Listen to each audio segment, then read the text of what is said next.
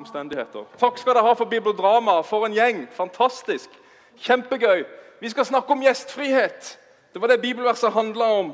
Gjestfrihet. Hva er å være gjestfri, da? I et ord. Hva er å være gjestfri? Opp med en hånd. Hva er å være gjestfri? Hanna? Nei? Ingen? Hva er å være gjestfri, da? Å være raus. Ja. Invitere hjem. Hanna, du har det? Å være snill? Ja, Det vil jeg absolutt si at det er.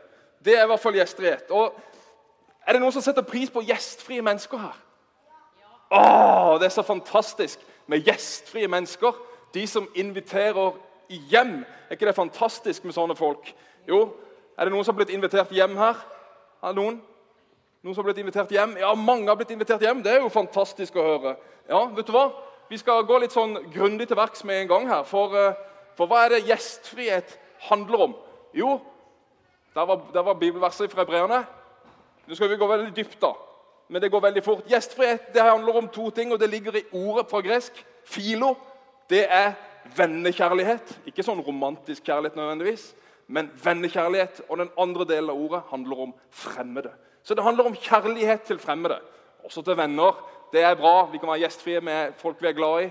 Men det handler også om fremmede. Kjærlighet til fremmede. Det er det det handler om. Ok, Kjenner du noen gjestfrie? Ja, det var flere som gjorde det. Jeg kjenner noen. Dette er mine svigerforeldre, Håvard og Else. Når jeg tenker på gjestfrihet, så tenker jeg på de. De har alltid et åpent hjem. Jeg var 15 år faktisk når jeg ble en del av det hjemmet. Jeg var så ung da jeg traff Katrine. Jeg var i konfirmasjonen hos henne og allting. Tenk på det. Det kan vi snakke mer om en annen gang. Men jeg har jo nesten vokst opp i det hjemmet, og der var det, når vi var hjemme hos de, alltid godt å komme. Alltid fyre peisen, kunne sette seg ned og prate. Og sånn På julaften og på høytider så var det alltid noen andre folk der. Stadig vekk noen fremmede som var der. Og det var veldig spesielt. sant? Yes, her var det veldig åpent og inkluderende. Ikke minst så har jeg vært i et land i Sentral-Asia Sentral for et par år siden. Jeg kan ikke si Eh, jeg får ikke lov til å si hvilket land jeg var i, faktisk, og jeg får ikke lov til å vise bilder av noen av menneskene der. så det ble litt rart. Men der møtte masse gjestfrie mennesker. De kjente ikke meg. Jeg var en fremmed. Men allikevel, der fikk jeg lov til å komme på besøk. Og de hadde det ikke så flott som oss her i Haugesund. De bodde i ganske enkle hus. Det var ganske kaldt og guffent. Og de lagde mat på sånne kjeler på utsida til og med. Tenk på det. Men der fikk jeg komme inn. Og selv om ikke de kjente meg, så bøy de på det beste. Åh, se, Vi måtte sitte på gulvet, da. Men vi spiste av deilig mat og frukt. Og det du ser på det bordet der, det var faktisk bare forretten. Tenk på det. Når Fredrik hadde kasta seg over alt og var kjempemett, da kom kjøttet. Så det var ganske slitsomt. Men det var enormt gjestfrie folk. De som hadde lite, de ga oss så masse kjærlighet og godhet i Sentral-Asia. Og Det er fantastisk å oppleve gjestfrihet. Vi liker det alle sammen som mennesker. Og hvorfor liker vi det? Jo, for det får oss til å føle oss verdifulle. Det får oss til å føle oss elska. Uavhengig om vi har på en måte gitt noe tilbake. Du kommer inn der, og så setter de pris på det. Og fordi gjestfrihet gjør noe med oss som mennesker på en så radikal måte at vi virkelig føler oss elska og verdifulle, jo, så er det på mange måter det samme som å være en kristen. Wow, hør på det. Ja, gjestfrihet. Å være en kristen er på mange måter det å være gjestfri. Er du med? Det er jo ikke helt sant å være en kristen det er bare å være gjestfri. Det er noe mye mer enn det. Men allikevel, gjestfrihet er et kjennetegn på det å være kristen. Jo, hvordan var det Jesus var? Var han gjestfri? Ja, Jesus var jo veldig gjestfri, da.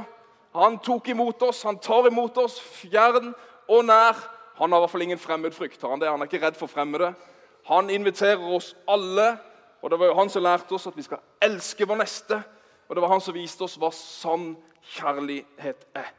Og Han sa til og med før han reiste fra disiplene at nå går jeg og gjør i stand et sted for dere. Et sted med mange rom, og der er dere invitert. Ah, wow, Jesus var skikkelig gjestfri.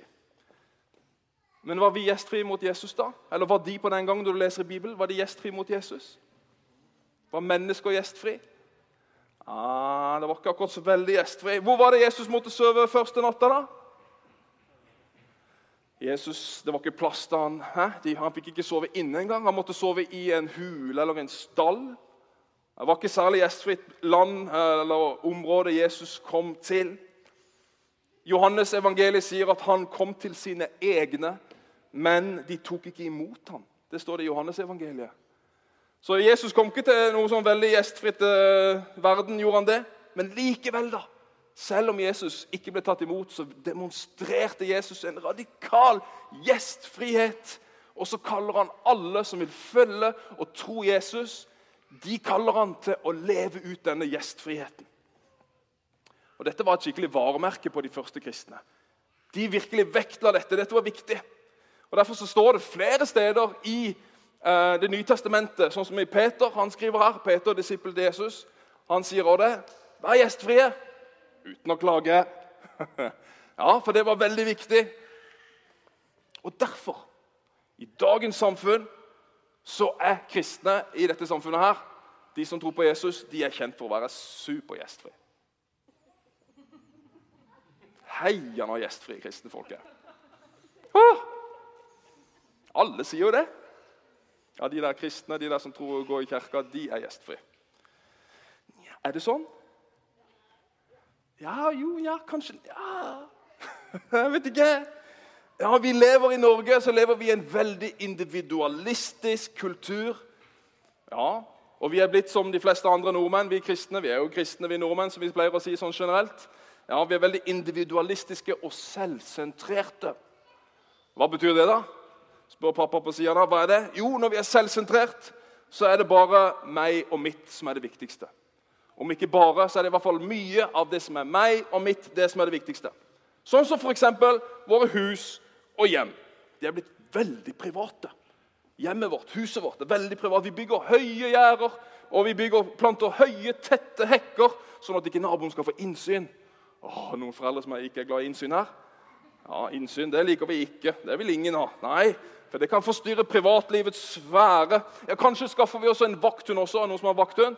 Ja, vakthund. Du vet, I min barndom så var det veldig eh, masse aktivitet ved inngangsdøra til huset. Det var stadig vekk noen som ringte på der. Og Jeg hadde vokst opp med søstre, så det var 'Fredrik, det er til deg!' Vi er fra Bergen. da. 'Fredrik, det er til deg, Fredrik!' 'Igjen, det er Fredrik!' ropte de sånn, for jeg satt gjerne på rommet mitt. ok? Kanskje var det en kompis på døra? Kanskje var det en støvsugerselger? Eller kanskje var det en nabo som skulle låne noen egg? Ja, Sånn var det. Det var masse aktivitet den gang. Men nå ja, nå er det litt mer stille ved inngangsdøra. Nå har han blitt så mye mer privat. Hva som helst skal helst ikke komme på døra vår. Skal det det? Nei, hvis det ringer en dag på døren, ding dong, og Hanna kommer ned og ser Hvem er det? Hvem er det som ringer på døra? Jeg vet ikke hvem det er. Aldri sett han før. Hæ? Og vi må finne dekning! Å nei! Å, det er noen på døra! Da er det krise, vet du. For det kommer noen på døra som ikke vi kjenner. En fremmed. Ja, Jeg overdriver tøyser litt, da. Men jo, nei, det er faktisk blitt sånn at døra vår, ja, huset vårt, det representerer noe så nært, ja, noe så privat. Og Vi har masse følelser knytta til våre hjem. Og Det er nettopp derfor Bibelen sier del på hjemmet ditt. Inviter folk inn. Glem ikke gjestfriheten. For når vi inviterer hjem, da inviterer vi inn på en arena der vi er mye mer åpne, der vi er mer sårbare med hverandre på helt, enn på andre steder. Ja, Er du enig? Jo, det er noe spesielt å invitere folk hjem. Denne uka for eksempel, så skulle jeg ha et møte her i kirka sammen med noen andre. Men istedenfor at det ble her, og den som skulle holde møtet, han sa Nei, kom heller med hjem. Bli med hjem til meg, så tar vi møtet vårt hjemme. Wow. Ja, Så delte vi et måltid sammen og god drikke. Så hadde vi møte der. Tror du det ble et bedre møte enn når vi samles her? Ja, det gjør det faktisk. ja. Det er veldig kjekt å ha møter her også. Men det å komme hjem, det er noe eget.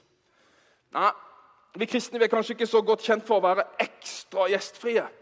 Men, eh, men dette bibelverset, som er skrevet da 60 år etter Jesus, det er like gjeldende i dag i 2021. Og Hva er denne teksten? Jo, det er jo en påminnelse. Det er en påminnelse om hva som er viktig for oss kristne. Glem ikke, sier forfatteren. Og Dessuten hele kapittel 13, som er i Hebreabrevet, det er en sånn huskeliste på hva som er viktig i et liv for den som tror på Jesus. Og Det burde du lese. Kapittel 13 i Hebreabrevet. Så trenger vi en påminnelse, tror dere? Ja, jeg tror vi trenger den påminnelsen. Det kan nok passe, for jeg har mange unnskyldninger for, å være, for ikke å være gjestfri. Er det noen her som har uh, unnskyldninger for å ikke være gjestfri? Katrine hun er litt mer gjestfri enn meg. Så hun sier 'Fredrik, skal vi ikke invitere noen i dag?' Ja, det var litt sånn rotete i huset, da. Kan ikke invitere folk inn og masse fjær på gulvet. Det, blir, det, det, går ikke, det. Jeg vokste opp i et hjem der når vi skulle ha gjester, så rydda vi. Og da vaska vi. Det var et skikkelig pent hjem. Og det var sånn, Jeg kom hjem, og så var det 'Mamma, skal du selge huset?' Hva kommer nå? Kommer fotografen? 'Nei, vi skal ha gjester.' Ja, ok. Så måtte, det måtte se bra ut. Og Sånn har jeg blitt for meg. og Det er viktig at det, det er ordentlig og ryddig. og Sånn er det for Katrine også. Mange ganger så orker vi ikke rydde. ikke sant? Nei, vi tar det en annen gang. Det er for, vi, vi, orker ikke det. Nei. Så kan det jo også være sånn at ja, men, jo, vi kan godt ha gjester, men hva skal vi servere da? Vi må jo ha noe god mat. Åh, de kan jo ikke bare servere noe lite. Det må jo være noe ordentlig. og tenk Hvis gjestene ikke liker det, kanskje de, kanskje de har allergier? Ja, vi må ha glutenfritt. Vi må, nei, jeg orker ikke. Jeg orker ikke, tenker jeg da. Og så kanskje Katrine sier ja, vi må invitere noen gjester. i dag. Så tenker jeg, nei, men Kalenderen er jo full, og vi har ikke tid. og Vi er jo så slitne. Skal vi se. Jeg ser her i kalenderen at vi har tid om tre måneder. Torsdag klokken åtte om tre måneder. Da bør Nei, orker ikke. Ja, Nei, jeg vet ikke. Gjestfrihet det var kanskje ikke så enkelt. Nei, det er kanskje ikke så enkelt med gjestfrihet. Når hadde du besøk av en du nesten ikke kjenner sist? Når inviterte du, dere som familie, noen dere ikke kjente sist? Eller kjenner du naboene dine? Kan du navnet på naboen din? Har du invitert dem inn i hjemmet ditt? Oi. Ja, jeg ser mange sier ja. Men mange av oss tenker jeg har bodd ved siden av de der i 20 år. Jeg er bare på hils. Ja, Gjestfrihet det er ikke så enkelt, det. Og Jeg vet ikke hva slags unnskyldning du har. Kanskje er det samme som mine. Men vi må huske hva Bibelen sier, at vi må ikke glemme å være gjestfrie. Ok, men mot slutten nå Det var dette fjæropplegget her, da. Engler. Wow. For på den måten har noen hatt engler som gjester uten å vite det. Puh, hva betyr det egentlig? Først Jo, engler det er ikke dratt inn her først og fremst fordi at det å være gjestfri det er noe sånn overnaturlig. Men forfatteren av hebreerbrevet hinter til en historie i Det gamle testamentet som jødene de, den kunne de veldig godt. For det var det gode og det beste eksempelet på gjestfrihet. I første Mosebok kapittel 18 der får Abraham og Sara de får besøk av tre menn. Ok, Er det noen som har lest den historien? Opp med en hånd. Ja, Det er en sånn rar og spesiell historie, det der. Men det som skjer der, er at de, de får et møte med Gud gjennom et besøk av tre menn. Noen vil si at det var Faderen, og det var Sønnen og det var Den hellige ånd. Ja, Men det opplevdes som engler som var på besøk. Og Derfor trekker jeg det fram for det, det kjempegode eksempelet. Nå tror jeg ikke vi har tid til å lese hele historien, men i den historien der så kan vi trekke fram tre, fem ting. Fem stjerners gjestfrihet. Det er det beste som fins. Han sprang de i møte, bøyde seg til jorden for å invitere de inn. Han henta vann så de kunne, så de kunne få vaska føttene sine. Så ga han dem et trygt sted å hvile under et tre. der, Vær så god, dere menn, legg dere her. Han ga dem mat, kjempegod mat. og Han viste dem veien videre etterpå. For jødene så var det liksom det ypperste av gjestfrihet det Abraham gjorde for disse englene, som de tenkte det var. Og Derfor så henvises det til det der. Men Kanskje er det noe mer også i den teksten om at det er engler uten at de visste det. Vet du hva? Jeg trodde aldri jeg skulle sitere Koranen, men nå skal jeg gjøre det. Koranen det er jo muslimene sin hellige bok, ikke vår hellige bok. Men det kan stå ting der som er bra likevel. Det hus som ikke mottar gjester, mottar aldri engler. Hmm. Og det er interessant? Wow! Jo, jeg tror det er noe av det samme poenget her. For i vår iver etter å gjøre Guds vilje, så følger hans velsignelse. Vi tror Gud velsigner oss når vi gjør noe av det som er i hans hjerte. Og Derfor så tror jeg noe av dette er sant. At vår gjestfrihet, i vår invitasjon, hjem til et åpent hjem, så vil Guds vilje skje. Det skjer der, og der kommer Den hellige ånd. og Derfor så kan det skje spesielle ting i våre hjem. Er ikke det fantastisk? Du har kanskje hørt historien om Peter og Kornelius. Kornelius, denne Romeren som inviterer Peter hjem. Og Peter kommer inn i huset. Han skulle aldri ha vært der, for det var imot jødisk lov. Han skulle aldri ha vært der. Men det er en kjent historie fra Apostelens gjerninger kapittel 10, der Den hellige ånd faller over Kornelius og hans hus. De som ikke kjente Gud. Wow. Gjestfriheten der. Der skjedde det noe. Himmelen møter jorden i vår gjestfrihet. Det tror jeg at vi også kan lese ut ifra den teksten. Så arena, Hjemmet kan være en arena der Gud vil være. Der vi kan få bruke hjemmet til Guds ære. Så I dette landet som topper eh, statistikken på nabokonflikter, så bør vi klippe ned den hekken. Vi bør tråkke over nabogrensa og invitere mennesker inn i våre liv. Og helt til slutt Dette gjelder jo ikke bare hjemmet vårt. Nå hopper han av der, eh, Erlend. Men det gjelder ikke bare hjemmet vårt.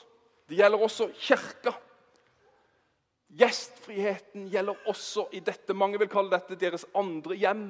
Deres åndelige hjem. Det er mange ord på dette med kirke, men det er også et hjem. Og Vi er her fordi vi ønsker at mennesker skal få møte Jesus. Vi er ikke her bare for vår egen del. Kjekt å være her. Nei, vi er her fordi vi ønsker at mennesker skal møte Jesus. Så vi er ikke kirke bare for vår egen del. Nei, vi er kirke for alle der ute som ikke kjenner han. Akkurat sånn som Jesus kom til jord, ikke for sin egen del, men han kom for vår del. Han sier, 'Slik Far sendte meg, slik sender jeg dere', sier Jesus. Så På samme måte så er dette stedet her, denne kirka her, det er en del av Guds drøm om at alle mennesker skal få møte Han. Så uansett om det er rot i kirka her av og til, om det er hull i sofaen i foajeen, om det blir lunken saft eller kjeks etterpå Speiderne har eh, fest på gang etterpå, så det blir fantastisk. Men uansett hva du måtte kjenne i denne menigheten, så er vi en del av Guds drøm om at vi skal få være noe for Haugesund, og vi må invitere inn. Og Det kan vi alle gjøre, om du er 10, eller om du er 43, eller om du er 82. Alle har vi et ansvar, og vi må høre Guds ord i dag. Glem ikke gjestfriheten. Om det er til kirka eller det er inne i vårt hjem. Vi tror